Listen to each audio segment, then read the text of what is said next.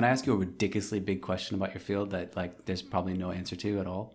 Oh my God, yes, please. Okay. I will find an answer. Okay. Well, like you, apparently you do all of these like insane, you know, TV appearances, having to answer like the questions that other people want you to answer. Mm-hmm. But like for you and like for the field, like what are like the biggest, most interesting questions that people are are here to really discover? Like what Mm. what are the mystery? Because like you work on a field that is is not.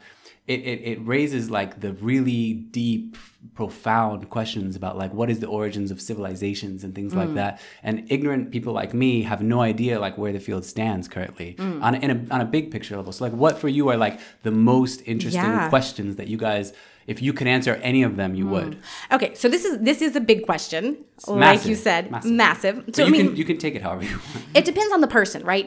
So some people are really they love the the the kind of more classical history. They want to know about the pharaohs and the kings and the you know jewels and the the fine art and the the, the, the high high society. Right. And for those people, they usually really really want to find more intact tombs of the pharaohs. okay Like they want to find another King Tut's tomb. That's like boom, that's what they want to find. but is that because it brings them like individual fame for being the good person who who found Hmm. this this character or is it because it adds some like crucial link to our understanding of human history I mean, it adds a well. I mean, it would depend on the person. Um, I think some people it might be.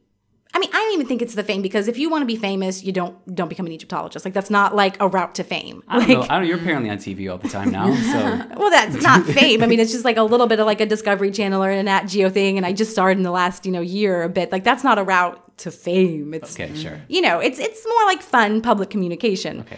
You know, if you want to be famous, you know, get a get a podcast. Yeah. Okay. Okay. Okay. Um, So I think it's more, there's so many questions about the grandeur of, of, of the pharaohs and, and their afterlife beliefs and, and, you know, this kind of idea that, that Tut was, I mean, historically speaking, not, he was not, I don't want to say minor king, but he didn't live very long and he was in a time of transition. And so people think like, oh my God, well, like what would like Ramses II's, you know, burial assemblage, what would that look like? Or, you know, they want to find intact tombs because that tells so much about burial customs, afterlife, funerary goods, like all this kind of stuff. So, I mean, that's some people's like major attraction. Other people would love to find like the big tombs that we haven't found, like Cleopatra, Alexander the Great, you know, these kind of things. Yeah.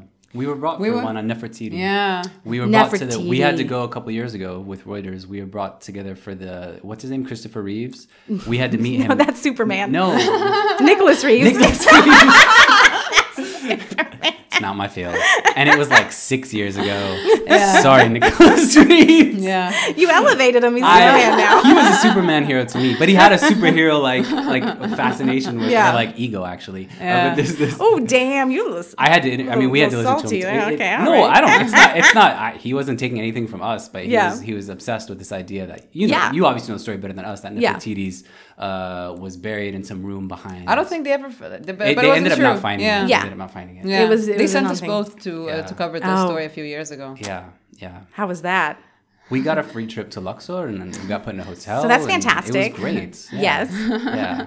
But at it, like, I mean, so, I mean, I'm curious, like, what's it like when you cover one of these things? Is it like a big show? Is it a production? Yeah, like, what is it's- that? What is that it's- vibe like? It's it's it's kind it's nonsense. Like what we were really were sent there to do is to hype up the story. Like when hmm. the titles were all like, "Could this be the final Yeah. resting grounds?" All based on one guy's theory. But we Yeah. all the media went there. We all interviewed him. They brought out the the minister, and they the minister didn't seem to really believe in the theory that much. But so he was caught in this interesting position of wanting to promote the story because it was good for Egypt, but you could tell he didn't believe it. So he was giving these oh. kind of like weird. Oh. well, it's also comments. important to be, you know, cautious at the same time because you're like, hmm. whoa, we just don't know. Yeah.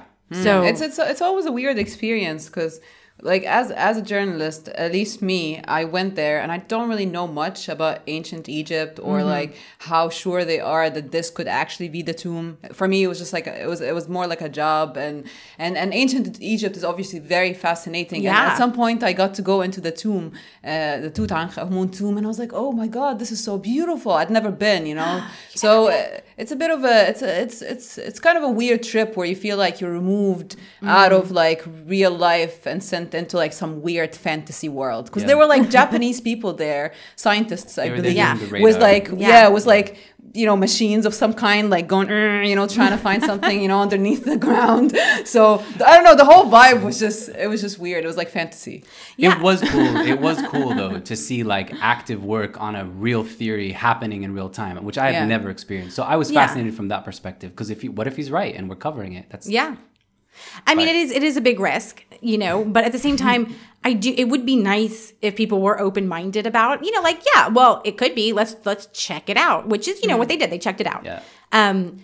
So yeah, like, but Nefertiti's For the record, tomb. that story ended. I think it was like a broom closet that they found. It was yeah, it was something like it was like not. It was like was like a another chamber that was behind, yeah, and yeah. you know, Yeah. it was the, a big disappointment yeah. what. Well, I mean, i mean it, yeah.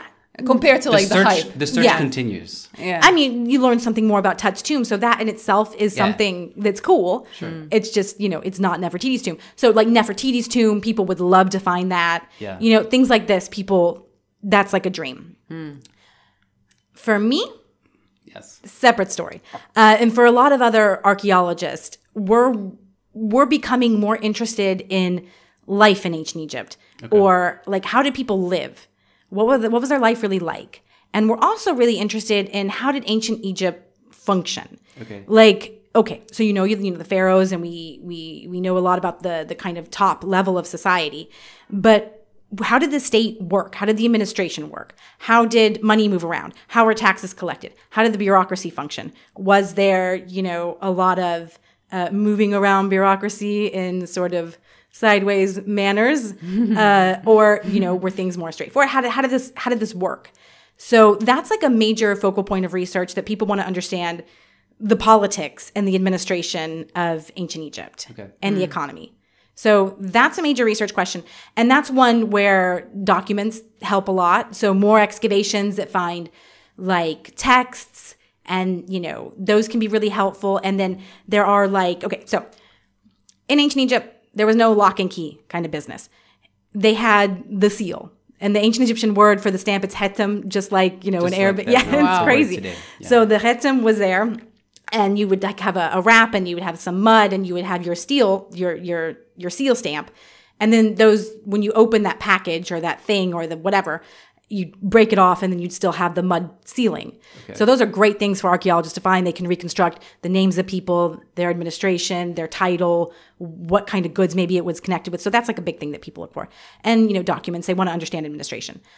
Um, I think just excavating houses are incredibly fascinating. Like, because okay, so when you when you think about Egypt, it's a narrow strip of land on the Nile Valley. So you've got you know the flood banks on both sides, and this is the center of population now, just as it was the center of population in ancient Egypt. So a lot of ancient Egyptian cities are underneath what's going on, you know, the, the current city. So you can't excavate There's a lot of no settlements. access most of it, yeah. So we we have this led to like 50 years ago there were early early archaeologists that were like there were no cities in ancient Egypt and this was like an actual theory that was like floating around this was a society without cities and it's like mm. How did that? how did that get overturned? Like someone just was. well yeah they found cities and obviously it was like of course the text mentions cities they found them it's just you know just because you don't find you know so it, the delta has been a big change with that like excavating the, the the Nile delta there's there's big cities that have been right. uncovered. And so there are cities that have been excavated, but they're a little bit out into the desert. And those big cities are generally connected with like big state projects. Like uh, Nefertiti is a good example. So Akhenaten, Nefertiti's husband, he moved the capital and he, you know, from the Cairo area from Memphis, and he changed all the religion to the one god Aten, and he made a whole new capital in the middle of Egypt near Minya, and he built a new city kind of out in the desert. So that city, because it's out in the desert, no one built on top of it. People excavated it, and you have like the whole city, and that's very cool. But it was only occupied for like 25 years or whatever. Um, so that What- what- what's it, what's it like oh, it's it's really like from whatever from from from whatever has been gathered so far like in It- what ways is it fascinating It seems okay. So to understand why it's fascinating, it's also un- to understand how it's different. Because a lot of the other cities that have been built for state projects, like temples or things, they're very pre-planned. Like it's rectangular, and they have the the pre-planned blocks of housing, and it's it seems like Amarna was so different. This this uh, town is called Amarna. What, what period would this be? This is New Kingdom. So like year range would be. So about this would Remember, be- You're talking to very ignorant people here. I'm sorry, but like just so No. we're all on the same. No, this is like the um the 13th century BC. Okay.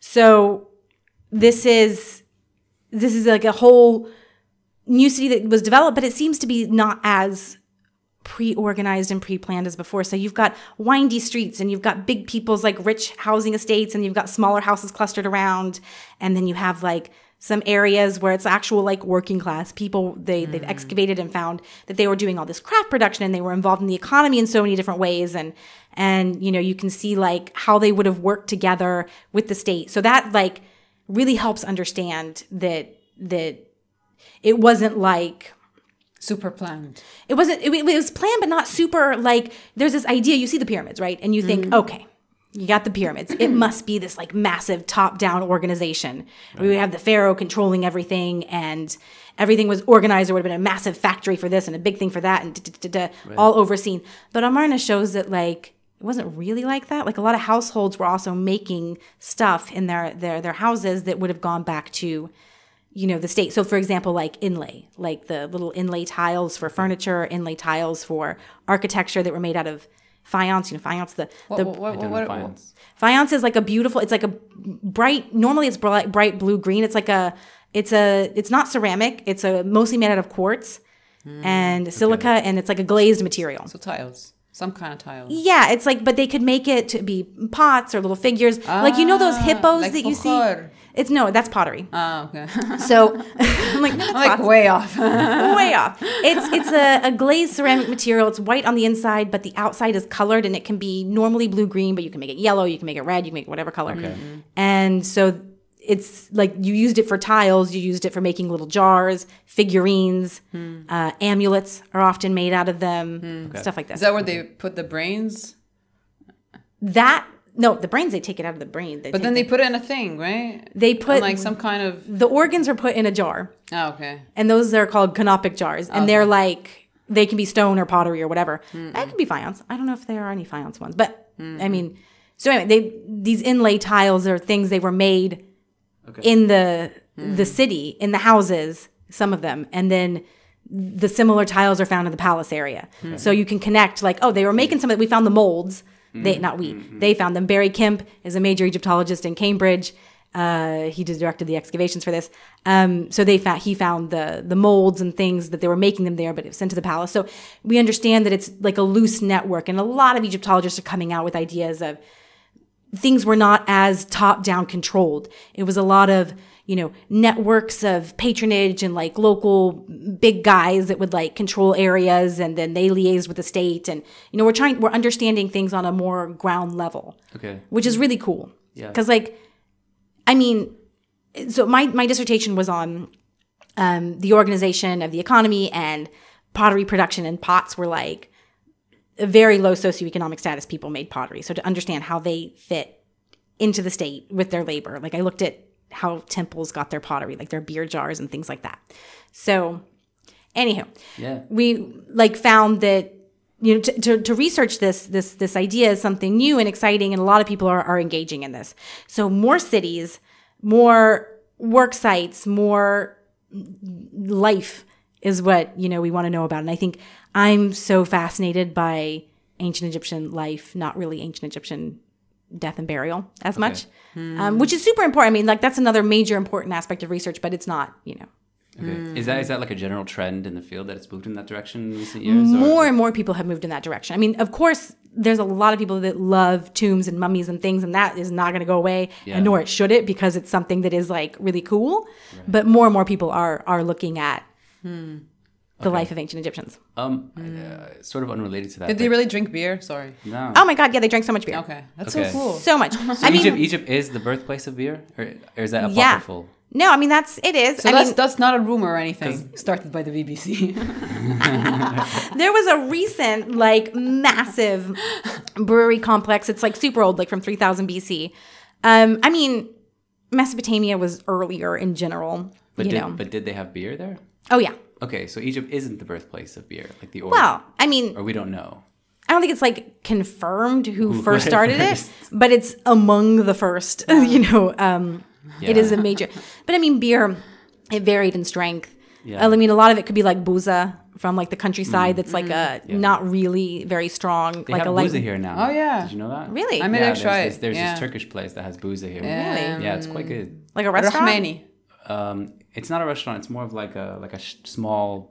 How do you like? Well, a, now like a- there are branches of it popping everywhere. you can find them on weird. those on the way uh, gas stations sometimes. Yeah. Very yeah. cool. What's Well- it called? Rahmani. Rahmani, yeah, the place Yeah. called. There used to be just one uh, in Sayyida Zainab, and for some reason, the past couple of years, they just started popping uh, up in different gas stations, all owned by the military, which I, I don't really. Uh, Well, understand. that is and- some and I- fascinating. It is quite interesting. And like I think they have trace amounts of the alcohol in it. yeah, yeah. Yeah, so some of it is like very weak is Yeah. source of calories, Yeah. and then there was also like, you know, beer that was stronger, beer Right. that was flavored with stuff. There was wine. I mean, you know, like Is that is that annoying? An, an, an annoying question that you get from people like me all the time? Did they drink beer? Like, no, I, I, because that you people want to know. Like that's like an interesting. Like I'm, because it's so funny. We do want to know how people lived. you know, yeah, which that's is like kind of what you're working what did you eat? What did you drink? Like you know, I heard a lot of bread and a lot of beer. a lot of bread, a lot of beer, Yeah. a lot of like lettuce, grilled stuff. You know, like fish. Yeah. and you know some duck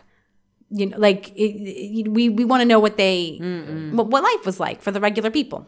So yeah. it seems like i mean and it was a big thing like i mean on you know you have like excavations at the pyramids where you know the big breweries and and the the we have like you know uh school exercises like handwriting exercises for for students their homework um, where they had to calculate, like scribes in training had to calculate the amount of beer that they could get for the barley for different kinds of projects for people. Like it was a whole formula that, that the state had, you know, in order to feed all these people. So like it was a big thing. They definitely, yeah, Okay. tons of beer. Cool, good for them. Yeah. Yeah. Cool. Sorry, I cut you off. No, no, you didn't cut me off. It's- um, so like the last few years, there's been so many of these like random finds that we find in the news. Oh, we know because we used to have to cover these things. Yeah. And like obviously, again, we're not we're not Egyptologists, and we have like very little background in this, so we would just kind of have to do these stories on like Yeah. this guy in his backyard found uh, a sarcophagus or something. So. uh, Is it is there an unusually large number of things being found in recent years? Are we in some weird period of, of discovery, or are they just getting better at promoting the finds? Um, there's a, there's been a long, long history of, of fines. I mean, there's stuff everywhere. So I think it's just a, a maybe getting better at promoting them. Yeah. Mm-hmm. And there's also been, I think, a bigger push from the Ministry of Antiquities to do more excavations. Okay. So they're, you know, they're digging more as as mm-hmm. well. So Okay. it's digging more and and publicizing more. Is it mostly Egyptians or or uh, my question is actually my question is has it over the past few years become harder for foreigners to participate in in these kind of uh, um, uh, uh, you know works? Well, I mean, the exciting thing is that more Egyptian archaeologists are getting more opportunities.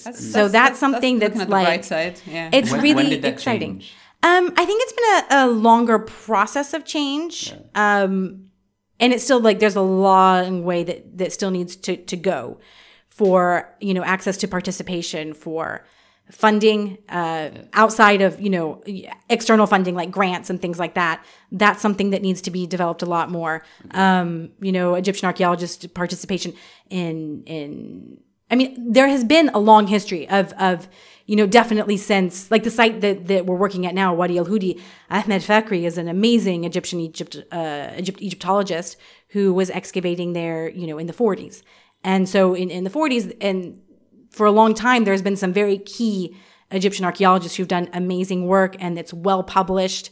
And, you know, they had their PhDs and they did really good stuff. Yeah. But it seemed like there was kind of parallel trends with some of the challenges of, of academic Egyptology is you have the people with the PhDs and the high positions at the universities who are publishing and working. But the kind of thing that we're seeing now more that's an exciting change is the Ministry of Antiquities is doing a lot more, a lot more excavations. Hmm. Hmm. And so that's bringing more people out to do work.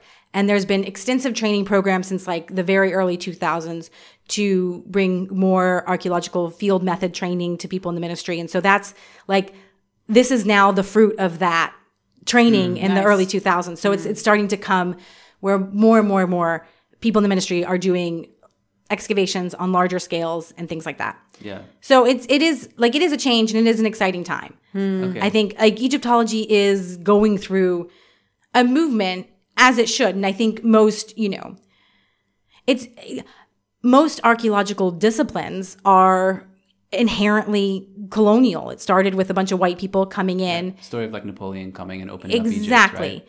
and in Is the that 1800s, is that narrative correct? That's like how I understand it, but this is just like that potted narrative you tell. Like, is that is that accurate? well, in many ways, it is. I mean, Napoleon came in the very late 1700s. I think it's 1798. Uh, maybe it's 1799.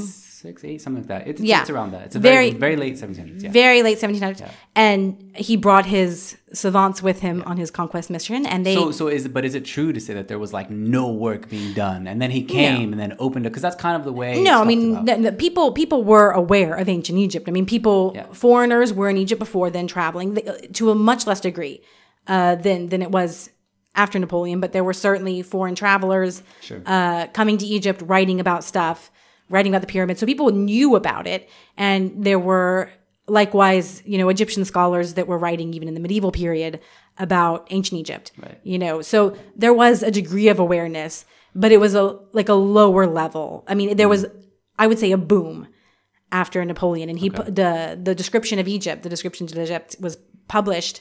And that became like you know then europe kind of got egyptology fever. Yeah, and then that kind of sparked a big push and it's kind of been riding that wave ever since in a way. i mean yeah But that's what you mean by saying it's a, seen as a colonial enterprise. Yeah. So what you're seeing now is almost like a correction 200 years later or something. Well, there's there's I mean, it is nowhere near correcting it, but it is at least this is now becoming part of the conversation for Egyptology. Um, and there is like efforts to try to figure out how to undo some of this. And I mean, it is like okay. I mean, we're gonna like get real and talk about this. yeah, um, Have there been please. any drawbacks? yeah. please, please, please, yes. All right. So like, all right. So when you do your PhD in Egyptology in the West, Yeah. Europe, North America, you're you you know you have to learn various stages of the hieroglyph language, Coptic, because that's a continuation of hieroglyphs and it's help people decipher the language. But then your modern language of scholarship is English, French, or German. Yeah. Those are the languages that you learn, and you have to take like your exam in English, French, and German. That's it. So you don't have to read a word of Arabic in order to be an Egyptologist. Uh, That's kind of fucked up. yeah. um, and so that also leads in major publications. They accept most major Egyptology publications accept articles in English, French, or German. But not Arabic. Yeah.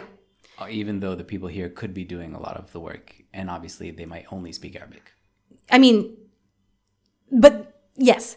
And this is now where you have a big challenge is because there's been, you know, well over 100 years, 150 years or whatever, 200 years of writing about Egyptology, publishing of archaeological materials that are in English, French, and German.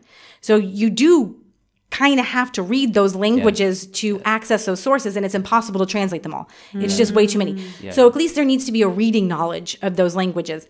But the lack of bringing in you know publications in arabic into egyptology journals means that there if there's no common language of publication this will be a separate thing. Hmm. And this is an ongoing problem that egyptology doesn't really know how to fully address So it's almost like you have two different affect- community communities not really talking to each other, like the external Egyptology field and then the local Egyptian field, and they don't always talk.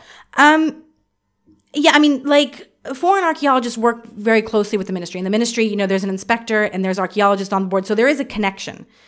Um, every foreign excavation, There isn't like full access to information from both sides. I mean, if you if you if you can, I mean, m- most inspectors mm. when they get to the level of doing excavation, you know, they they do go to good universities. They you know have masters. They have things like this. Some many have PhDs as well. So there is you know there is a reading knowledge and there is an access to this information. But having access to reading this information versus being able to write, hmm. you know, is a different thing. So there's a lot of scholars in Egypt that are producing quality work, good publications in English, French, and German. Okay. And they're doing that, and that's great. But there is still another level of people that would probably be more comfortable writing in Arabic that there are fewer outlets of publication to publish in, and those texts, if they do get published, they're not going to be read and understood by the foreign Egyptology community. Hmm. So it creates kind of a challenge that's still there, that's very much from the colonial era, that will be an ongoing challenge because you do have 150 years or more of scholarship in those languages. So that's a big issue. How do you move forward with that? I mean, you would think the easy answer is that everyone needs to be able to read and write Arabic, and that would be ideal. And, you know, it's challenging. And if it's something that if, if Egyptologists start, foreign Egyptologists start when they are younger, then it could, you know, you start in your bachelor's degree, it could maybe be a thing where, like for me, my German is a hot mess. Like, I mean, I pass my exams, but like when I have to read a German article, it's like, oh Lord, help me. like, I have to sit there, it's like a mountain of coffee. I open up the thing and I have like Google Translate and I'm like copying and pasting and I'm like trying to figure it out and I'm looking this up and then, or I scan the article and I know like the few words I'm looking for and like, okay, this page is the important page. And I'm like, I'm gonna do this. I'm gonna labor with this page. So I, I mean, it would be nice if we could have that same kind of struggle, at least and be able to deal with it with with Arabic. But I'm a classic example. My Arabic, I've lived here for a thousand years, and my Arabic is garbage. It is nowhere near where it should be. But that's simply because it's a function of you don't have to use it, right? Yeah. I mean, you would think though, but it still falls on my shoulder where I, I need to. But my Arabic mm-hmm. is in nowhere, shape, or form where I could even, you know, I am part of the problem. Like I, I mm. am very much part of the problem. Um, and, and I'm mm. becoming more and more aware of this. So my Arabic is not very strong. And so I, you know, I, I know that Yeah. I'm not helping this situation. I am actively a problem within this situation. Um, and I think it's important at least to recognize that and, you know, Yeah. but it's, it is a challenge. So We weren't trying to attack you. No. Just, but it's inter- it's really interesting. No, but it's something that I, I have to reflect because this has been something that I think as, you know, a foreign Egyptologist living in Egypt, you do I mean in the last couple of years I've been like, wow, where do I fit in this picture and what am I doing? And there is a colonial past and I am a white person. I am in Egypt. I am doing Egyptology. How am I what is the baggage I'm bringing in? Like Egyptologists, we do have to do this reckoning. Right. And I'm you know, we all need to do it. And it's something that I'm still like going through, you know? Um, so yeah, it's a bit of a, a, a challenge. And it also comes through like the other hard thing, man. Jobs. Jobs, jobs, jobs, jobs, jobs. Mm-hmm. what, what, what about that? What do you mean? Well, I mean, okay. Do you mean it's harder to get jobs if you don't have language? What do you? Well, I mean, like in the colonial sphere of all this, Yeah. is that so you've got the language, you've got the limited access to all the uh, external support that comes from being in major universities, particularly in the West, either from institutional funding, which is fewer and far between these days, but access to external grants, access to wealthy patrons that want to fund archaeology. Yeah. So that is still very much in the in in in, in the West. Um, you know, particularly Europe, they have these. You know, the state has the German Archaeological Institute, the French Archaeological Institute that does provide funds, and those institutes they are working more closely with Egyptian colleagues now. So that's like something that is changing positively. But you know, getting employed in in Egyptology and making a living that can properly feed your family is like not an easy thing to do. Of course. And you know, even me, I'm I'm I'm teaching in in in, in a writing program.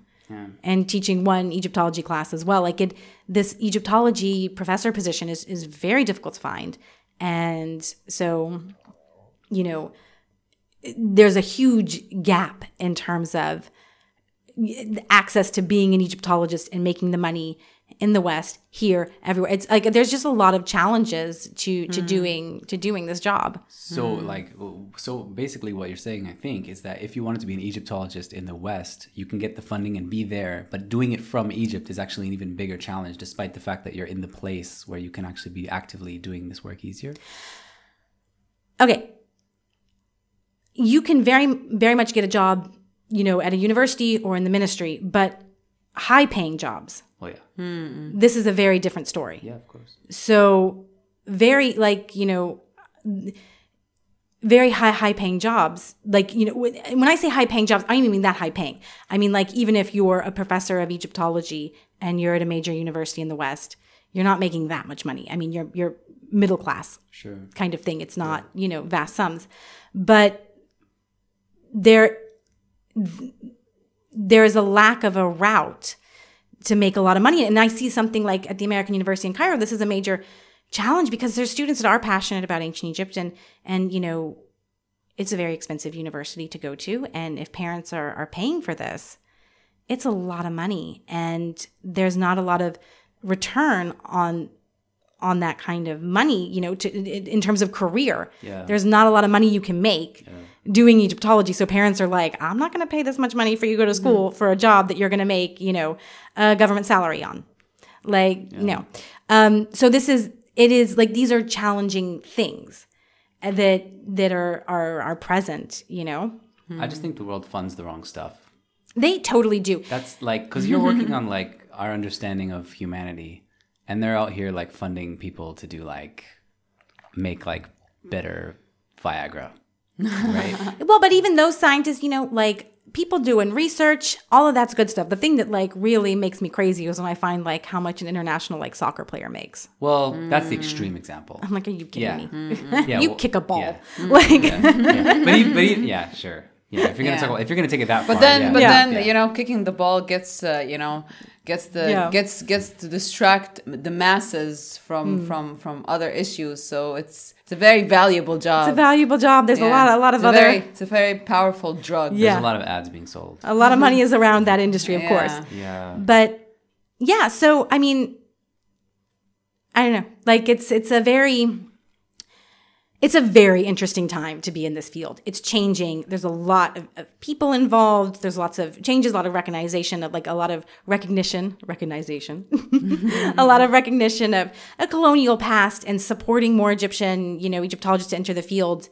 Um, and we'll see where this goes and how it's going to come out. is there any like impact of this that you're seeing already? Like, Yeah, I mean, well, you're seeing it in the in the press reports. You're and seeing how all these fines are coming. Yeah, in. It's there's because a lot so more many people on the ground. Yeah. Yeah, because we, we were never sure if this was like uh, a bias that because we're covering it, we feel like it's it's more, or has there always been a history of Or it? whether But it was propaganda. or whether it was propaganda, and the state's like, better at just promoting. Restore tourism somehow. yeah, so they're just like they've always had these fines, but now they're like pulling out press releases. Mm. That's- that's from really them. cool. So- but it sounds like what you're saying is there has been an actual change, and there is there's more labor on the ground from Egyptians who are good at their job. Yeah. because they've been properly trained now. And Yeah. so now we're seeing the fruits of that. Yeah. that's that's fascinating. So that's, I mean, that's part of what's coming out of this, and Yeah. so that is that is an exciting thing. From all of the things that have been found in recent years, has there been any that have been like mind blowing for you? With like, since you actually have like the context for this stuff. Well, the recent, I mean, I okay. First of all, so many of these things come out, and I am not the best in the world at staying on top of all the different sites that are you know being found. But the one that came out recently, a few months ago, the city in Luxor. The Pompeii-like city was that that one? Yeah, this is the But one they- that Was found. Yeah, that it was. It's, it's a city that's relatively intact. It's a settlement, Mm. um, and that's very cool. So that's the kind of stuff that I'm like, oh my god, that's so interesting. So Okay. I look forward to more information coming out about that. Okay. Are you able to like access these sites if if you wanted to as a person working in the field? If if there's like a big discovery like that, or it's it's No, I mean it's all very controlled. You know, you can't just like, Show hi, I'm I'm an Egyptologist and I'm interested. I'm Meredith Brand. Meredith you might remember me from National Geographic and then move out the way. move, move. I've come with a trowel. No, like that's not. Uh, you can't just like walk up there. I mean, um, you know, if I know an inspector working at a site, Okay. maybe I could ask for a tour and they'd have to like get it approved and stuff. But like, I mean, Yeah. you know, you can't just like Okay. walk up and be like, "Hey, what's up? I'm Meredith. Let me come and take a look." Um, so that's no, it's it's all. That's disappointing. I was It hoping is I was hoping that was your life. I, I, You're, wi- like, I wish that pulling was up the my newspaper, life. Like, ah, I gotta get to Luxor tomorrow. yeah, was the hat. yeah. No, if I was like checking the news in the morning with my coffee, I'd be like, "Oh, off to Saada. Like, can I go look at this site?" But no, that is that is not what happens. Is Egypt normal in that regard? Like, is it is it is Egypt quite restrictive in, in allowing people access to the sites, even like professionals, or is that or is it kind of standard? Well, I mean, like I think everywhere in the world, you know, an active excavation, there's limited access, you know, because they are actively digging. They're pulling stuff up out of the ground. It's a security issue. You can't just have people like wandering up to to an active dig as they please. Um, so I mean that's like everywhere would would want to control that to some to some degree. Sure. I mean you do you know you, you like if if for example if a site is being excavated in in Luxor or something at the Valley, of the, you know, there's constant work at the Valley of the Kings happening. They're still doing their work, and tourists are coming by and they're watching and going, okay, wait, wait. Um, and then they move along. They can't like go in it, but they can see it. So it depends on where the excavation is happening. If it's by a tourist site, then of course people can go and like have a little Yeah. looky loo and "Hmm, what's going on. Um, so of course that's that's possible. No, but I I, guess- remember a few years ago when they uh, when they dug something up uh, a pharaoh a pharaoh head uh, in the In middle Matareya. of Matareya, yeah. Yeah. Oh, And there were there were, the pictures were so funny. There were you know there were just pictures of like kids running around like until the I guess the the, the you know the guys like you know who deal with that kind of thing got there and at some point they put a, a like a like a Spider-Man, Spider-Man blanket, on it to like yeah. protect it from the kids like jumping on it and shit. It was so funny. Yeah. I'll show you the pictures. It's it's, hilarious. it's like the, the you know the Egyptians way of being like, we'll take care of it, like you know Spider Man blanket. you use what you got. I mean, at the end of the day, like you know, you use, people use every kind of thing you can possibly Yeah. find because you know you don't think you're going to necessarily find a giant statue, and you don't necessarily have a piece of cloth that can cover it. So you got to be like, who's got a blanket?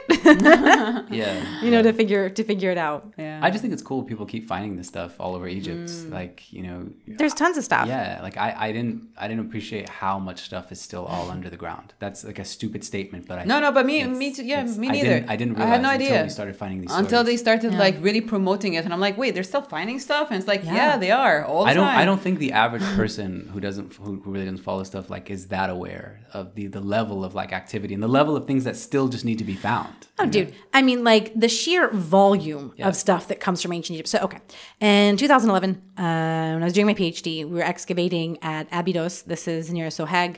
And it's like a huge uh, site for the god of the underworld, Osiris. It was believed to be his, his, his burial and the entrance to the underworld. And there were a huge pilgrimage. And there's, so we were in North Abydos with University of Toronto excavation with my advisor, Mary-Ann Pouls Wegner. Okay. And we had four squares that were opened up that were five by five, me- five by five meter squares.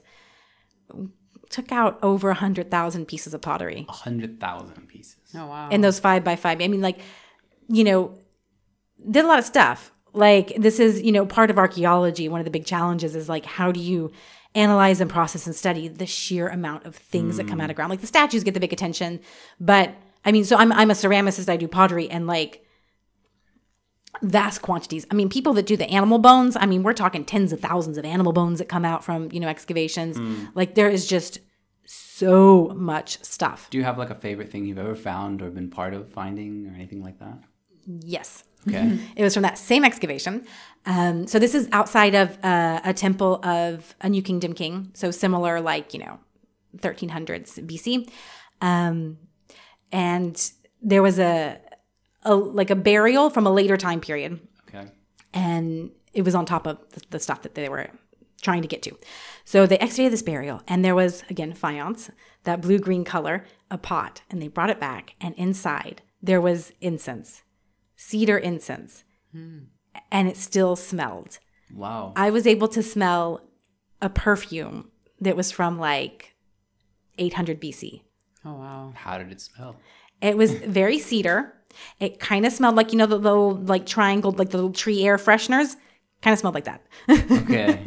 Oh wow. it didn't smell that. I mean, maybe it was like affected by time, but it was like a super cedar wood smell. Hmm. It was really cool. Like to have really like a sensory experience Yeah. that somebody from that long ago would have had. That Someone was like my there and favorite. You guys had shared the same smell as someone Yeah. from how long? What year would have that been? Like how long old was that? That's that's probably from 800 BC. 800 BC.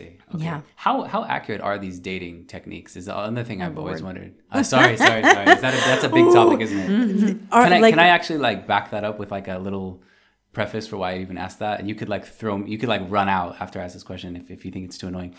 Um, there's this guy you've probably heard of. I don't know, maybe this geologist named Robert Schoch, and he had this theory about the Sphinx based on the water markings that it was much older than the kind of classic narrative would say based on I think the narrative that mainstream Egyptology, Zahi Hawass and them have constructed. His argument is it's thousands of years older because there's watermarks, so there's clearly been flooding, and there hasn't been flooding in this part of the world except since I don't know 11,000 BC or something like that.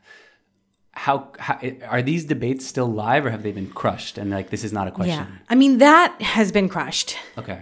Um, but dating archaeological sites is this is like the one thing that archaeologists will be at a conference and like throw shoes at each other mm-hmm. about. Like it's like a very Okay. contentious That's what it sounded like when he was speaking. It sounded like this Issue. was a huge debate. it's it's a huge debate and part of the challenge is that egypt is the chronology the, the, the time period of egypt is a cornerstone for understanding the chronology of other parts of the levant hmm. so that have less well dated textual records. So like the archaeology of like palestine and lebanon and parts of syria like they they really and they really like link things to egypt because they can find like egyptian artifacts. And so a lot of people in the the near eastern archaeological region are very much invested in like getting the egyptian chronology strong.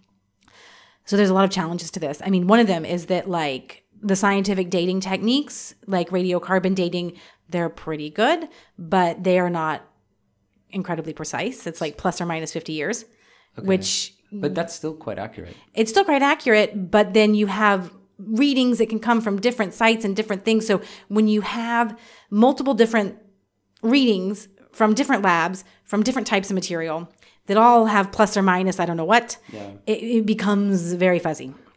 So then, you know, you have the names of the king and you have their, their the years that they reigned, and then you have astronomical observations that we can kind of date. So you've got some anchor points every like, you know, 500,000 years. They'll say this star rose and okay, that had to have been at this one specific time. So they can anchor that. And trying to connect all of it together um, is very challenging. And then, you know, you, pottery is another major important part of this because pottery styles changed very fast. Pottery is indestructible. And so you find it at all the levels. So they want to connect a pottery style to a date so they can date the appearance of that pottery elsewhere. So it's like a huge thing. Okay. I mean, it's a very controversial issue. Okay. But is there still any controversy over major sites like the pyramids and the Sphinx and things like that? No, I mean not not in. I mean w- they argue when we're talking like the major actual academic debates are like over 100 years or something like that. It's not like massive. Okay. It's it's minute. People are really into it and it's very specific. Um, the stuff with the pyramids, I mean, this is like a whole nother set of things. And, you know, the pyramids, it becomes much more complicated because there's a lot of people that are outside of traditional Egyptology that have various beliefs about them that make it far more, you know, complicated. That's like a whole nother, you know, that's like a whole. I thought it was fascinating, but I have no way to evaluate it, obviously, as a regular person. So, how, how did they crush his theory? Do- Or is this just I- way beyond what you. It is had? not like a thing that I am so fascinated in. so I wouldn't, I just one of those things I'm like, what? Uh, to you, it probably makes no sense, right? well, I mean, I like, you know, we, I, there's the settlement of the guys who built the pyramids. It's right there and everything is nicely dated. And there's, you know, Okay. the names are on the pyramid. Okay. So the, So- so so uh, so uh, so so you you know you know about how some people argue that uh, the pyramids are, rea- are really solar plants and all that. They, they're not solar plants, are they? I mean, no, they're like Were they- when when you watch like when you watch when you hear people like bring up these theories of like there was extraterrestrial intervention like Yeah. does that what as, you- as an do you think about archaeologist that? does that just drive you mad or like how do you or do you say like well there are mysteries of it and we don't actually understand all of it like how do you evaluate those kind of things Well, I mean, okay. So, like, I think it's important when you do archaeology to kind of like take a step back and realize that, okay, I have something from a very specific scholarly perspective. But one of the reasons why I'm even sitting here talking to you is because people care about Egyptology. Yeah. That's not just, you know, Egyptologists. And so, understanding what Egyptology means, what the pyramids mean to different people and why in, is in itself very fascinating. yeah Like, so that's something that I'm just like, you know, if, if I meet like a, an alien kind of person, like an ancient aliens, like I'm like, okay, but tell me why. Like, I want to know like why you think this. Like, what does it mean to you? Like, I would want to know. Like, if I was talking to someone, like, what does it mean to you that the aliens built this? Like, why?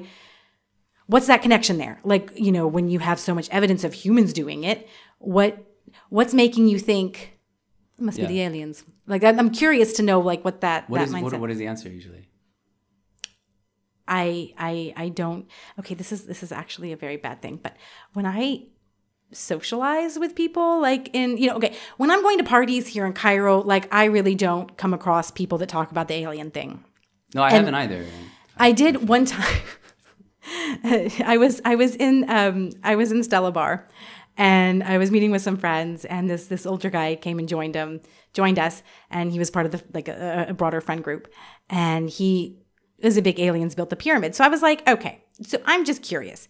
Take me through the way you think this happened. And he said, okay. He thinks that there were ancient Egyptians, and then the aliens came and they used their like tractor beams or whatever, and they made the pyramids. And I was like, okay, but what did Egyptians do? He was like, well, they stood around and clapped. I'm like, what are you like? How is that a possible? Th-? And I was just like asking him more questions to like understand his theory because I'm like, I don't understand. So I just I'm like, this is like an older, an older kind of more upper class, you know, downtown Cairo gentleman, you know. Mm. And I was like, how? I, I, I was just so fascinated and I just mm. kind of want to more hear him talk because mm. like what can I say that's gonna like change anything Well, you're the authority. You could say a lot. no but like at that point it's a belief and I'm like Because yeah, because you've probably heard of ancient aliens, right? yes Have you ever? Do, do you watch it? Like, Did you watch the the one on ancient Egypt or any of the It's No, it's, I it's, haven't it's, seen it. it's good entertainment. They they they they give no evidence whatsoever. We, I mean, we, we have we- noticed oh. they're they're really entertaining. yeah, they're They don't just do ancient Egypt. They do 'Cause- 'cause- all 'cause, kind of places, uh, what and they they link everything to aliens. Every human super funny. accomplishment that you can't Yeah. really quite. It's like difficult to explain because of the difficulty of whatever it was. It's like, well, we're not quite sure about this, therefore aliens. But maybe exactly. But but maybe aliens. It's Yeah. like this, but maybe aliens. But they never provide. But provide they actually don't provide evidence. evidence. So, Yeah. So you're left like, interesting theory, man. but like, I know it's it's the most fascinating thing and I'm like but I can see people watching it and just thinking, oh, then. But Yeah. so, so that's why I was wondering your perspective as someone who actually I mean because knows. like it's just it's the- for me it's confusing because like you know But are there? But aliens or not? I mean, are there? Aren't? Are there still like mysteries surrounding how the pyramids were I mean, there is a lot of debates about, you know, the ramps and things that they used to move the stones and the exact construction techniques. Because like, there the- is debate surrounding that Yeah. part, like actual like scholarly academic debate. There's debate surrounding that Yeah. that part for sure. Yeah. Um, you know, like did the that's what- ramps go around or did it go like this or you know? That's probably what provides the opening, like for people saying it. It sounds like what they're saying is like we have no idea, because you know you hear this line a lot, like people still have no idea how people built the pyramids. Is that just not true? I mean, that's for a large part not true because I mean, there has been, they have just been so extensively studied and, you know, we know how, like, there's a solid understanding of the entire administration and economy around it because there's a settlement, that's like right next to the, the pyramids where it's the workman's village. I mean, you have the entire administrative support for the building of the pyramids. You find the ropes around the pyramids. You find like they found so many other construction kind of materials. And inside the pyramids, there's uh, graffiti from the workmen with like their team name and then the name of Khufu, for example. You know, there's a lot of graffiti inscriptions that, that kind of, you know, indicate that it's people and it's, you know, for hmm. Khufu, the pharaoh, and this is what happened. So, I mean, there's just like a lot of evidence that supports that People built it. it was the humans. It's just we don't hmm. have the exact construction techniques down. and there's you know debates about big but that's the i mean even if you have a lot of evidence like i mean not to get too abstract but like what is fact like you know i mean you you like Mm-hmm. even if i look at an archaeological site and there's you know an extensive amount of archaeological materials and we find some bits of ancient text that elaborate more and we have the names and the titles and the dates and we have a lot of things there's still an amount of interpretation that goes on you know at these at these sites so there will always be debates. There will always be things that are uncertain. And even if you look at history from, you know, if you have a very well known, if you're doing modern history or something and you're talking about the Cold War or whatever, there's still debates when you have literally all the evidence right there. Yeah. There's still debates within these fields, and that that is part of scholarship. It's part of what makes it so much fun, um, is because you will have different ways of looking at it. Yeah. I like the mystery of it. I think it makes it interesting. Yeah, I mean, I like. I would hate to time travel back to ancient Egypt. Hate? Oh, it would be the worst because then I would know the answer. No. And then how boring I- would that I, be? I want to know. No. I really want to know. That's half the fun is doing the figuring out and not knowing and coming up with theories and then reading other people's theories and then looking at the archaeological site again and trying to figure it out. Like, what's the point of doing what I do if I like? I mean, time travel would be the worst. Oh, I'd hate to go back to. It would be bad for your profession. Oh, it'd be terrible. But but you could still like go back and write a book about it. But No, I mean, well, I mean, if I time traveled, I mean, it would be a big thing. Like, I think I'd leave archaeology altogether and have a whole new field of life for sure. But like, I don't. I like having it be unknown. That's that's the point. Yeah. Like- what then? What's like your favorite mystery of like it all, or if you, that that that keeps you kind of going? My favorite mystery. I mean, I don't. I don't like. I maybe the- didn't formulate that right, but the, you know, I don't- the- you know, the- like 'cause it- 'cause- mystery. Hmm. 'cause when- mystery is not a great word. It's just we could use, but but like you know, the- unknown i mean i i really want to know how people made ends meet in ancient egypt how did people make a living how do they live like that's something that i'm really very curious about you know how much like i would like to know like how much actual how did they manage poverty how did they manage like these kind of social challenges and economic challenges that we have not figured out in our society like how did they how did they deal with that yeah, I'm like really curious. I would really like to know about that because I do I do think that there is this kind of nostalgia that people have. Like, I mean, this is just my impression being here in Egypt. There's nostalgia for several periods of time. There's certainly a nostalgia for like, you know, the 1920s to the 1950s. And I certainly, you know, I've noticed it like the amount of students that I'm teaching at AUC, their name like Farouk and Farida and things like that. There's a nostalgia for that period of time. Then there's, you know, I think a nostalgia about, you know, some of, I don't know, Mamluk maybe, I don't know, era in Islamic Cairo. And then there's nostalgia about ancient Egypt where people think that it was this kind of golden era, grand civilization, everything was amazing. Um, and like, I don't think that's true. The I- people just kind of live in poverty and I mean, were I- enslaved, and it was pretty bad. I mean, yeah, I like, in, I mean, slave, that's The a, I slave mean, is a big question, right? that's a big, I mean, like, I thought that was for sure. Well- we were just told that slavery was uh, was was a big thing in ancient Egypt. Yeah, I mean, definitely, definitely, there were people that were unpaid labor. You know, but I mean, it's, it's different. It did, yeah, there was definitely unpaid slavery kind of labor, um, but it was more smaller scale. Like mostly, if you had a big, it's, so it seems like this is something that I would love to know more about, and that's like where like questions that I'm really fascinated about. Like, okay, so you had a big parcel of land, and you were kind of wealthy, and you had this land, and you know you wanted to farm it and get the produce from it, and you had some other kind of side businesses where you were manufacturing some goods. Maybe you made some wine, maybe you made some pottery, maybe you made some jewelry, whatever. You had some factories, you had some things, and you wouldn't have slaves really farming that land. You would have tenant farmers kind of thing. Seems to be more the vibe. Ah. and then you'd have a couple unpaid slaves that did more like household work or the difficult things, you know, like, I mean, the, the, the process of getting water or having flour, like grinding grain, like these kind of things. It was more for, for that kind of stuff okay. which that's what we seem to think, but you know, um, so it, it definitely existed. Um, but yeah, like how did people deal with these challenges? And I think that's something that you know these are the questions that we're struggling with, and and, and I think that if like an understanding of the past can help us understand the future, we need to understand how social challenges were met in a real way because that tells us about who we are. Like are we i mean this is one of the interesting things about like the ancient egyptian economy. Have we you know we think of the economy as like rational economic actors and things like that. Um one of the central debates were, were is this kind of making profit self-interest rational economic action was that something that has been there forever? Is that innate to human beings? Or is our our economy our or our are our economies social? Are we inherently connected?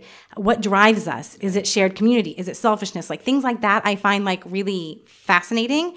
And that's the kind of stuff that i think yeah would be like cool to know about ancient egypt and other places too. Because yeah that's something that i think we all struggle with in our in our current society. And so Mm. far, is your work leading you to believe that this was the origins? Like humanity has always been this exploitative, capitalist type system, mm. or is your work leading you towards the theory that maybe there's mm. elements of like mm-hmm. socialism and like the common good, sort of in these older societies? I mean, I think so. So far from what I'm, I'm fine. So for like, if I look at my my dissertation, looked at how pots were produced for the official state temple, how beer jars were produced for the official state temple, and how beer jars and these tiny little votive dishes that were used to burn incense for like a public festival for the god Osiris. How how how they were produced in different ways. And it was really bizarre. So I entered it thinking, you know, obviously like the pharaonic state must have been the king was mm, powerful and there must have been, you know, big factories, the king controlled everything. And then when it comes to the private festival, this is where you would see maybe more cooperation and coordination amongst people and more shared whatever. It was the opposite. The the pots that were produced for the public festival without really direct state supervision were so uniform. They were so homogenous. I did a bunch of statistics. I measured variability of the pots in terms of their shape, and I did a bunch of statistical measurements. And these are some of the most uniform pots ever measured. Hmm. I mean, equivalent to like the Roman era.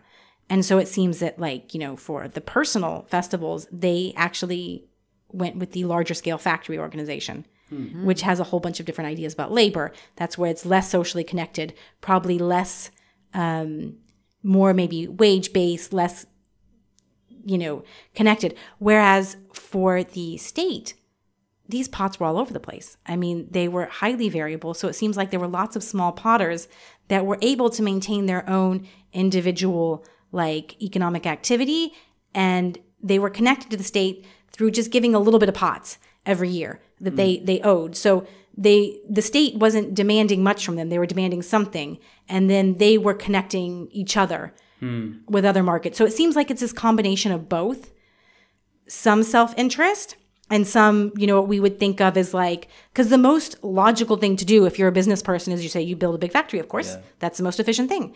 So it seems that efficiency did exist and there was an idea of trying to make the most out of what you had. Hmm.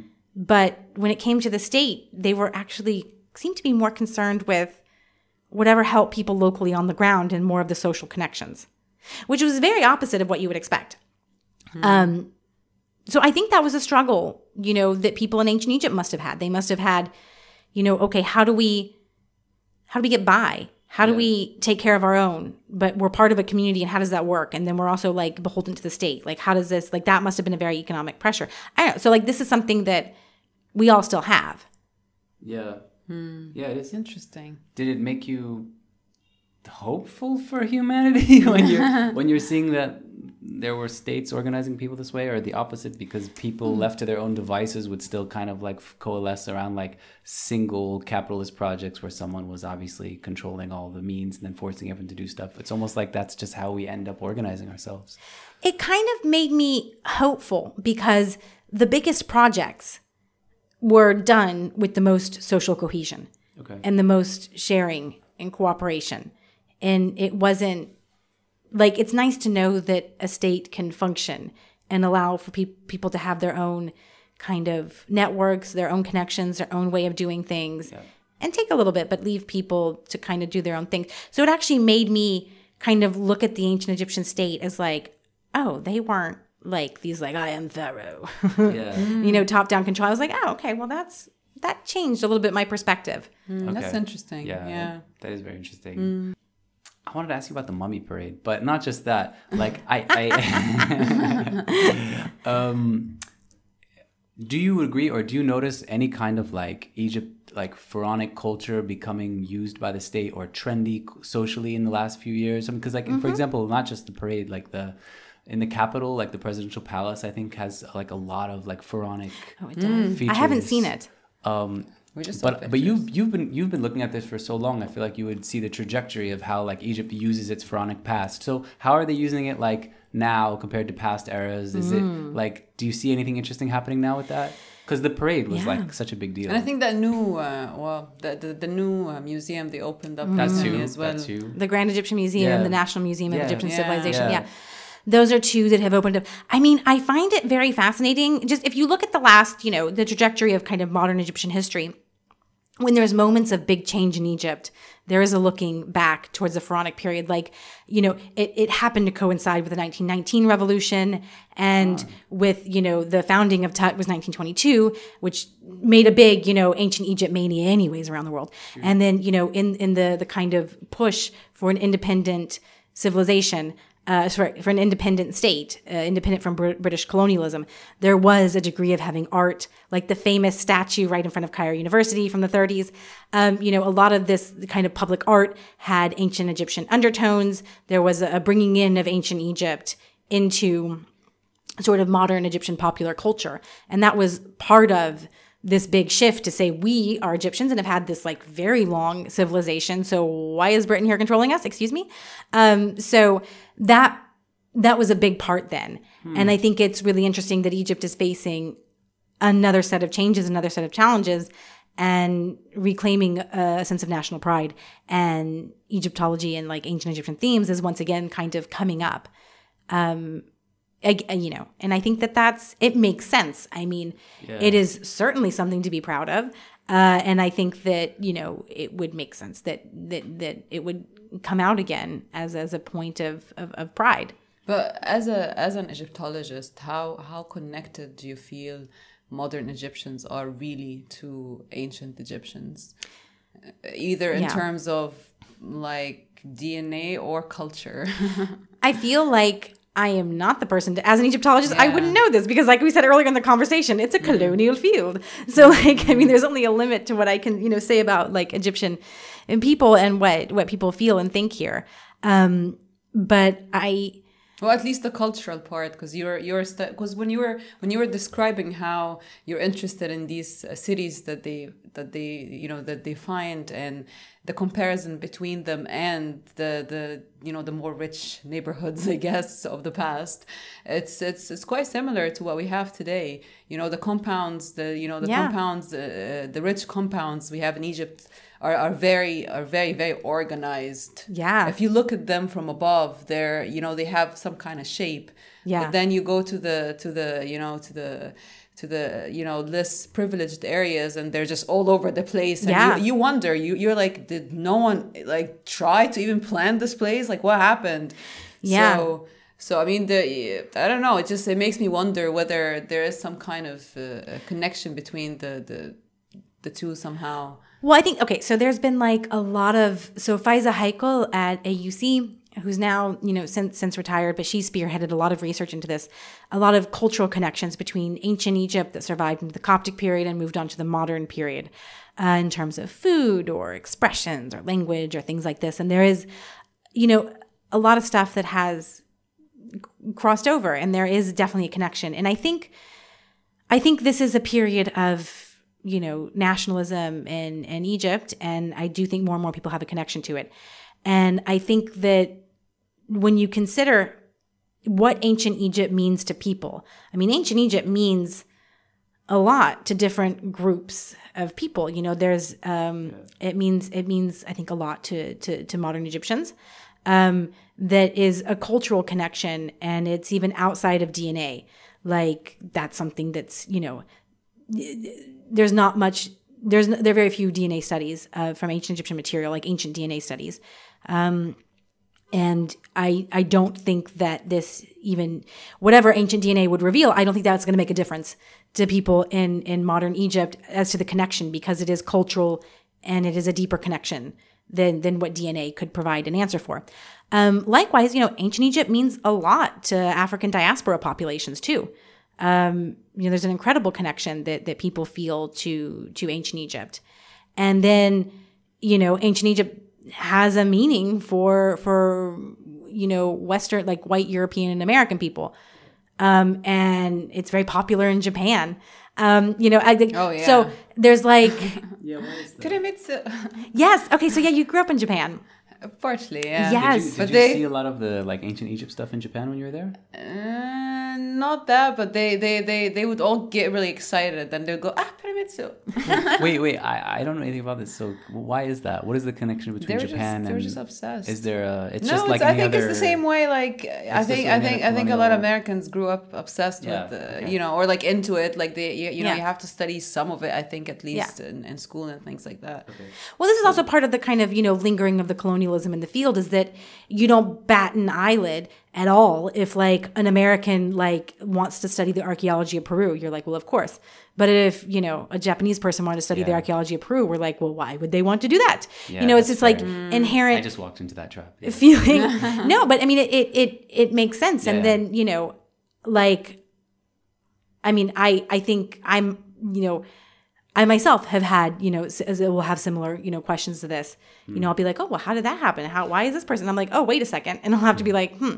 Um, and so, you know, I, I think it would be exciting to get to the day of scholarship where you have, you know, archaeologists from around, you know, you have Egyptian archaeologists going to excavate uh, Iron Age settlements from from the UK. Like that would be really cool. Speaking of the UK and Europe in general, um, uh, we, we've we've we've noticed that uh, Egypt Egypt has been trying to you know uh, you know take back some of the you know of, Yeah. the, of the artifacts and all that. How how has that been successful? What do what do you what, what do you think of that? Yeah. What's going on with that? Just I mean, I that I mean, do you do what do you think? the British Museum, I I I think the right thing for them to do would be to give these artifacts back. How do they justify still having that stuff? Excuse me, that's probably an incredibly ignorant question. Um, No, no, no, it's not I an actually- ignorant- but no, I- but it's I a just very important one. it. So the I think their fundamental argument is that there's such thing as cultural global cultural heritage that we all have a shared cultural heritage. So it should be for everyone to enjoy and experience all around the globe, uh, which I agree with. The problem is the execution of this idea is inherently, you know, colonial. That you know, people in, in in the UK or New York or Paris or wherever they can go to a museum and they can have a full global narrative and they can see material from China, from Mexico, they can see ancient Egypt, they can see everything. But But if you're from Egypt, where's your, you know, global museum where you have material culture from everywhere? You know, so it's a very one-sided uh, activity and practice. So, I mean, I think the, the the British Museum they it would just behoove them because most of these artifacts were taken under really horrible circumstances, you know, either outright theft or subterfuge or were part of you know colonial mess. And I think it would greatly be the right thing to do to return them. Um, and if I could like wave a magic wand and like have a solution that I think would be amazing, what I in Meredith's fantasy world would love to have is that also the British Museum, the Met, the Louvre, the everywhere, they have tons of artifacts in storage. So what they should do is for every kind of major capital where they have lots of artifacts from, they should send a lot of their stuff in storage and make up broad perspective museums.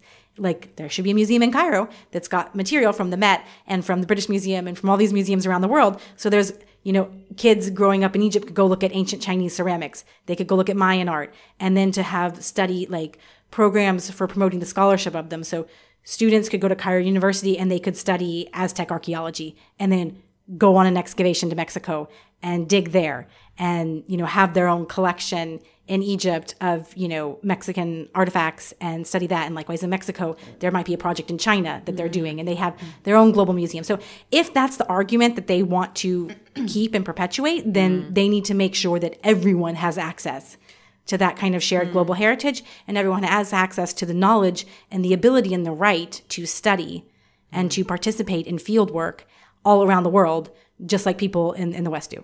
And so that would be like an ideal solution never gonna happen um, I think one of the arguments is that um, I don't know how to say this very diplomatically, but is that Egypt doesn't really take care of its things, basically.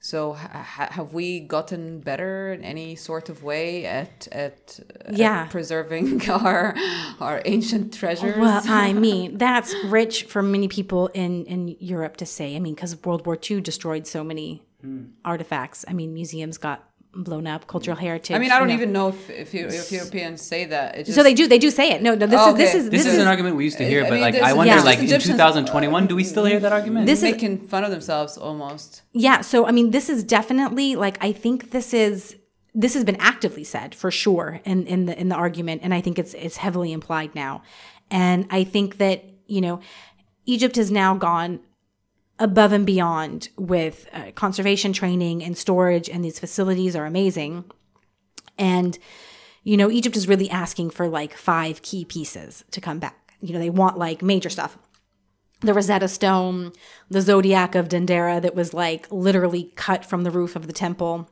in Dendera when was that taken? in the 1800s. This French dude just like cut out this amazing relief. So that's in the Louvre now. Yeah, and took it and brought it there. Okay. So I mean, this is like physically a part of the building. Like obviously that should come back. It's What just it's the same thing with the Parthenon marbles. Like you know, Okay. That's like part of the Yeah. building that was destroyed. Lord Elgin took them down, destroyed them, and you know that should obviously go back. Like Yeah. it's it's active destruction of the building to remove it. Um, so you know these Wait, things. hold on. What are the other three? I'm sorry. Did, are there, there's really five specific ones? Not to those are, those are the five big ones that they want back. The Zahi was Zahi was arguing back. So it's the bust of Nefertiti Okay. in in Berlin, Okay. uh, Rosetta Stone Okay. in that's a- London, seems like a big one. uh, yeah, uh, Zodiac of Dendera in the Louvre, and then I think there's the bust of Ankhhaf. Okay. It's a statue in the Boston Museum, and there's one more. It's okay. I can- can't remember which one it is. But these, I mean, these- certainly these artifacts. I mean, it's like the So most the- insulting the, the, thing. The, to the be- U.S., the U.K., and France, basically. Yeah. The, the, the bigger, the Germany, bigger, the something biggest. Germany. Uh, p- p- past colonial Yeah. powers. and yeah, in Germany. So Yeah. of course they should give them back. And yeah, that's the implication that like Egypt can't can't take care of their stuff, which is like It sounds like the argument, that argument from what you're saying and, and the work you do, that, that doesn't have legs to stand on anymore. it has no legs to stand on. and it probably hasn't Yay. for it hasn't for a long time. I'm guessing. I mean, it hasn't had any legs to stand Did on. Did it ever? I mean, there's not a single place in the world that can really 100% guarantee the safety of everything. Okay. Like, mm-hmm. you know, there always could be something that happens. There could be some kind of ingenious, you know, theft.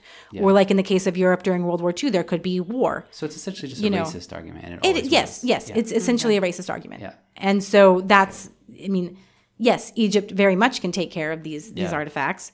The, I um, know these are kind of like naive questions almost, No, but, but it's like I'm interested to hear you like mm, but actually. it's- it's how- how, something- you how people in your field talk about it. Yeah, no, it's it's something that, that that many many it's still very much there in the minds of some of these museums and and from you know certain people in Europe and North America and and I think it is important to say that yeah, Egypt can take care of it. Like mm. I mean, this has been I think part of the promotion too of the Grand Egyptian Museum and the National Museum of Egyptian Civilization is these like incredible conservation labs that are like amazing. And there's I mean, Egypt has put so, the Ministry of Antiquities has put in well now it's the Ministry of Tourism and Antiquities has put so much work into training conservation. So conservation, like that, is doing really well here. Um, so it's Good. fine. Yeah. Yeah. Like that's yeah. That's Yeah, I mean, a at the- racist at the I mean, we, we, you know, you when you live in Egypt, you rarely hear anything, uh, you know, quite positive. That's why, that's why it's like, you know, you're always just kind of asking these questions where it's like, is it, is it true? Like, because you start believing it, you know. yeah. So, Or it's yeah. hard. It's so hard it's good, to it's know. good to hear that. It's hard to know exactly where the truth lies. yeah. And Yeah, but, and but I at the point where they're building this massive, immaculate museum, it's hard to justify keeping their pieces in these Western these Western Mm-hmm. institutions. Like like the gem looks quite incredible. Yeah. So how, Yeah, how do you how do you justify keeping their stuff away from this beautiful thing that they've built here for this purpose? I mean, It's that- yeah. Hmm. Their put it- to put it arguments are getting simply. yeah. Their their arguments are not strong at all. And I mean, this is something that I I think you know a lot of but a lot of museums and are, are having to to come to terms with this. I mean, because you have even a lot of you know sub-Saharan African material like from Benin, the bronzes that were like straight up robbed. Yeah. You know, and there are people with living cultural memory of these artifacts. They're like, uh, hello. They, they're very upset and they they want them back. And I think museums are, are there needs to be reckon, you know, some kind of reckoning, and, and, it, and it's starting to happen, and it needs to continue. Like, but I Is mean, it starting to happen in Egypt as well with Egypt with Egyptian pieces? um, less so. So I mean, it depends. Like, there are stuff that has been voluntarily returned, Okay. um, like the insane story of the Ramses the First mummy from this museum in Niagara. Okay. Um, this mummy's had a roundabout crazy history. In the early 2000s, this this mummy was found in a museum in Niagara, like, and it looked royal. Like, I mean, it had like the arms was crossed. It looked royal, and the people looked at it and they're like, "Oh my goodness, this is you know Um, this shouldn't be here. what." How? what? And so that was, you know, the Michael C. Carlos Museum in Atlanta got involved and then they donated it and they brought it back to Egypt. Okay. So, I mean, there are definitely people that are making good decisions. Okay. And that has happened. But, like, there's like a lot of, you know, like just Stuff out there. stuff out there and people that are like, Egypt's shit is all over the place. There, there, yeah, Yeah. I think because I think something else was returned a few years ago. I remember Yeah. having to cover it. yeah. Yeah. Maybe So an obelisk or something. Things are being returned, but I mean, you look at obelisks are all over cities in Europe, and Yeah. I mean, like Isn't there in America, one in Washington D.C.? Yeah, I and New York City, right? There's one in New York in Central Park. Uh, there, think so. I think that's right. Yeah, I should know that. I should I I should know that. I'm the one who should know this. And I'm like, oh, I think there's some in New York. I mean, there's there's there's these things.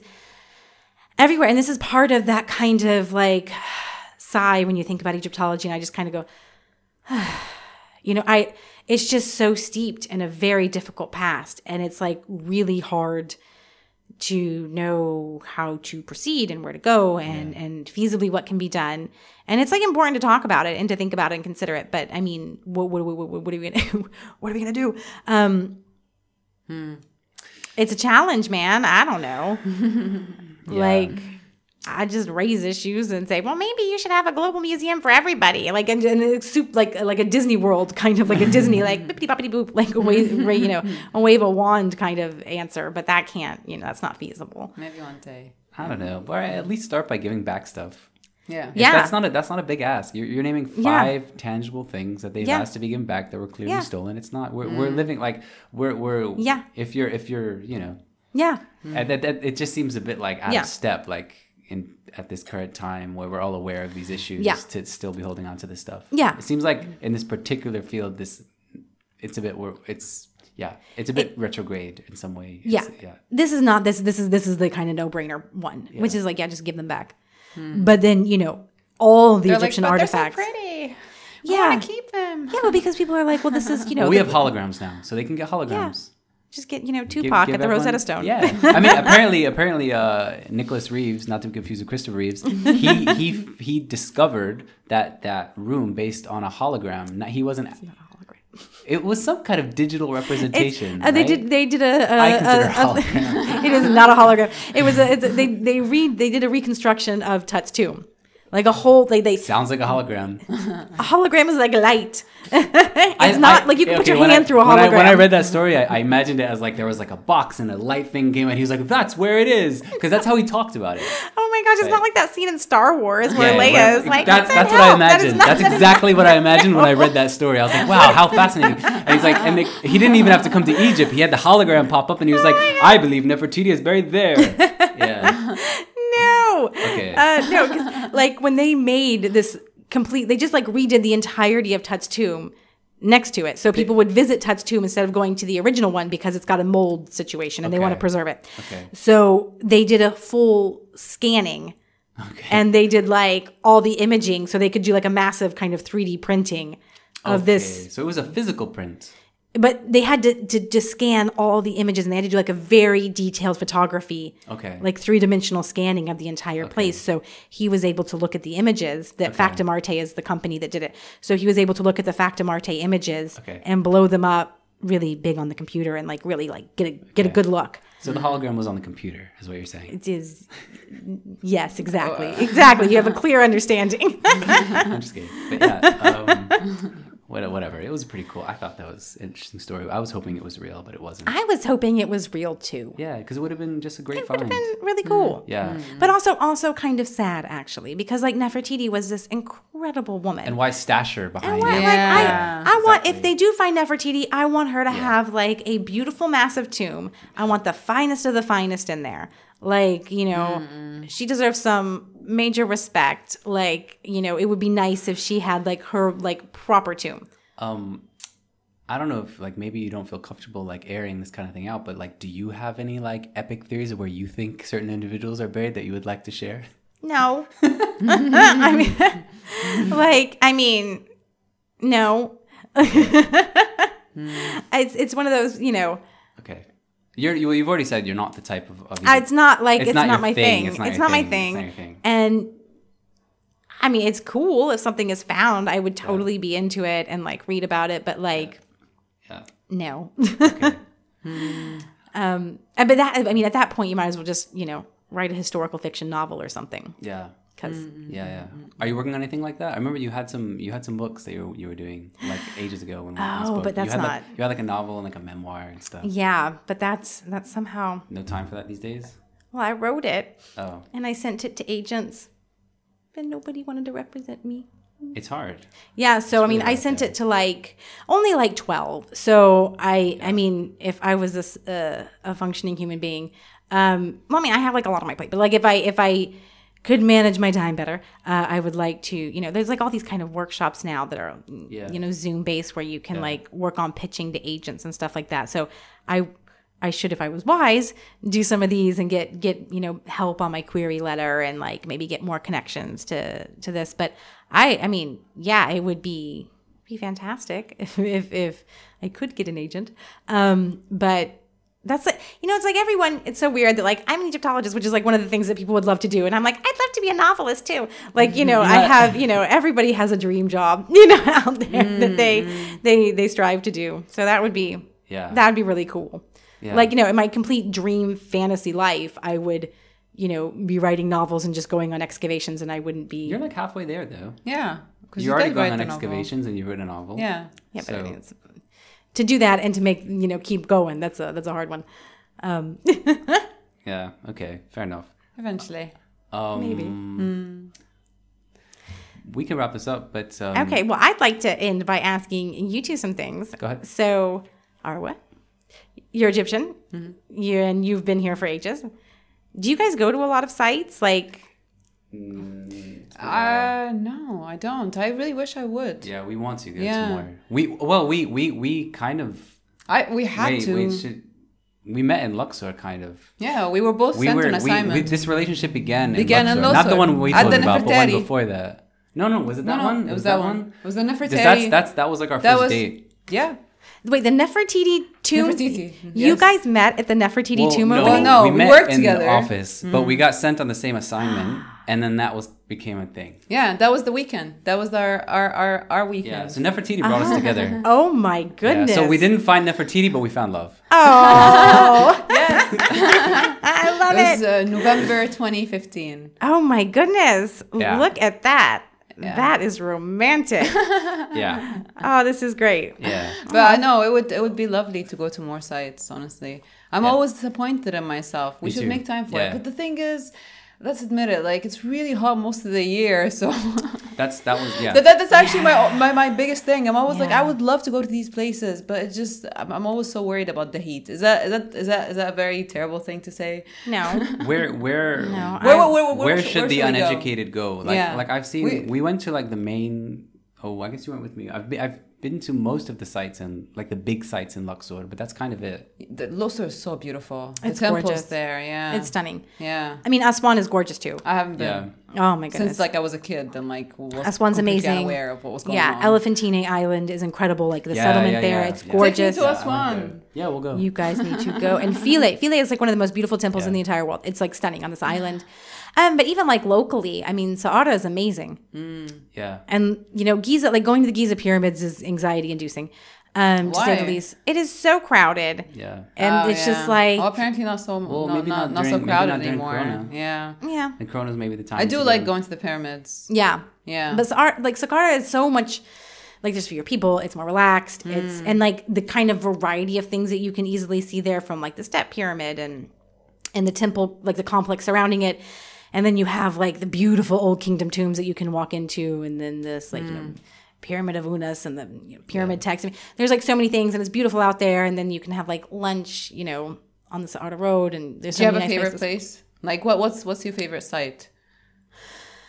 My, I mean, I think Saqqara is my Saqqara is my mm. favorite site. Okay, so we should just go to Saqqara. Yeah. Have you been? Yeah, like the very first time I came to ah. Egypt, Yeah. I went there, but it was like so long ago. So I have to There's go back. so much stuff there. Just walking around, it's really beautiful. Hmm. That's probably my favorite one to go to to visit. Hmm. Um, yeah, I used to actually think this is this is really sad, but I used to think I I wasn't I wasn't really into into any of it for for a long time. Yeah.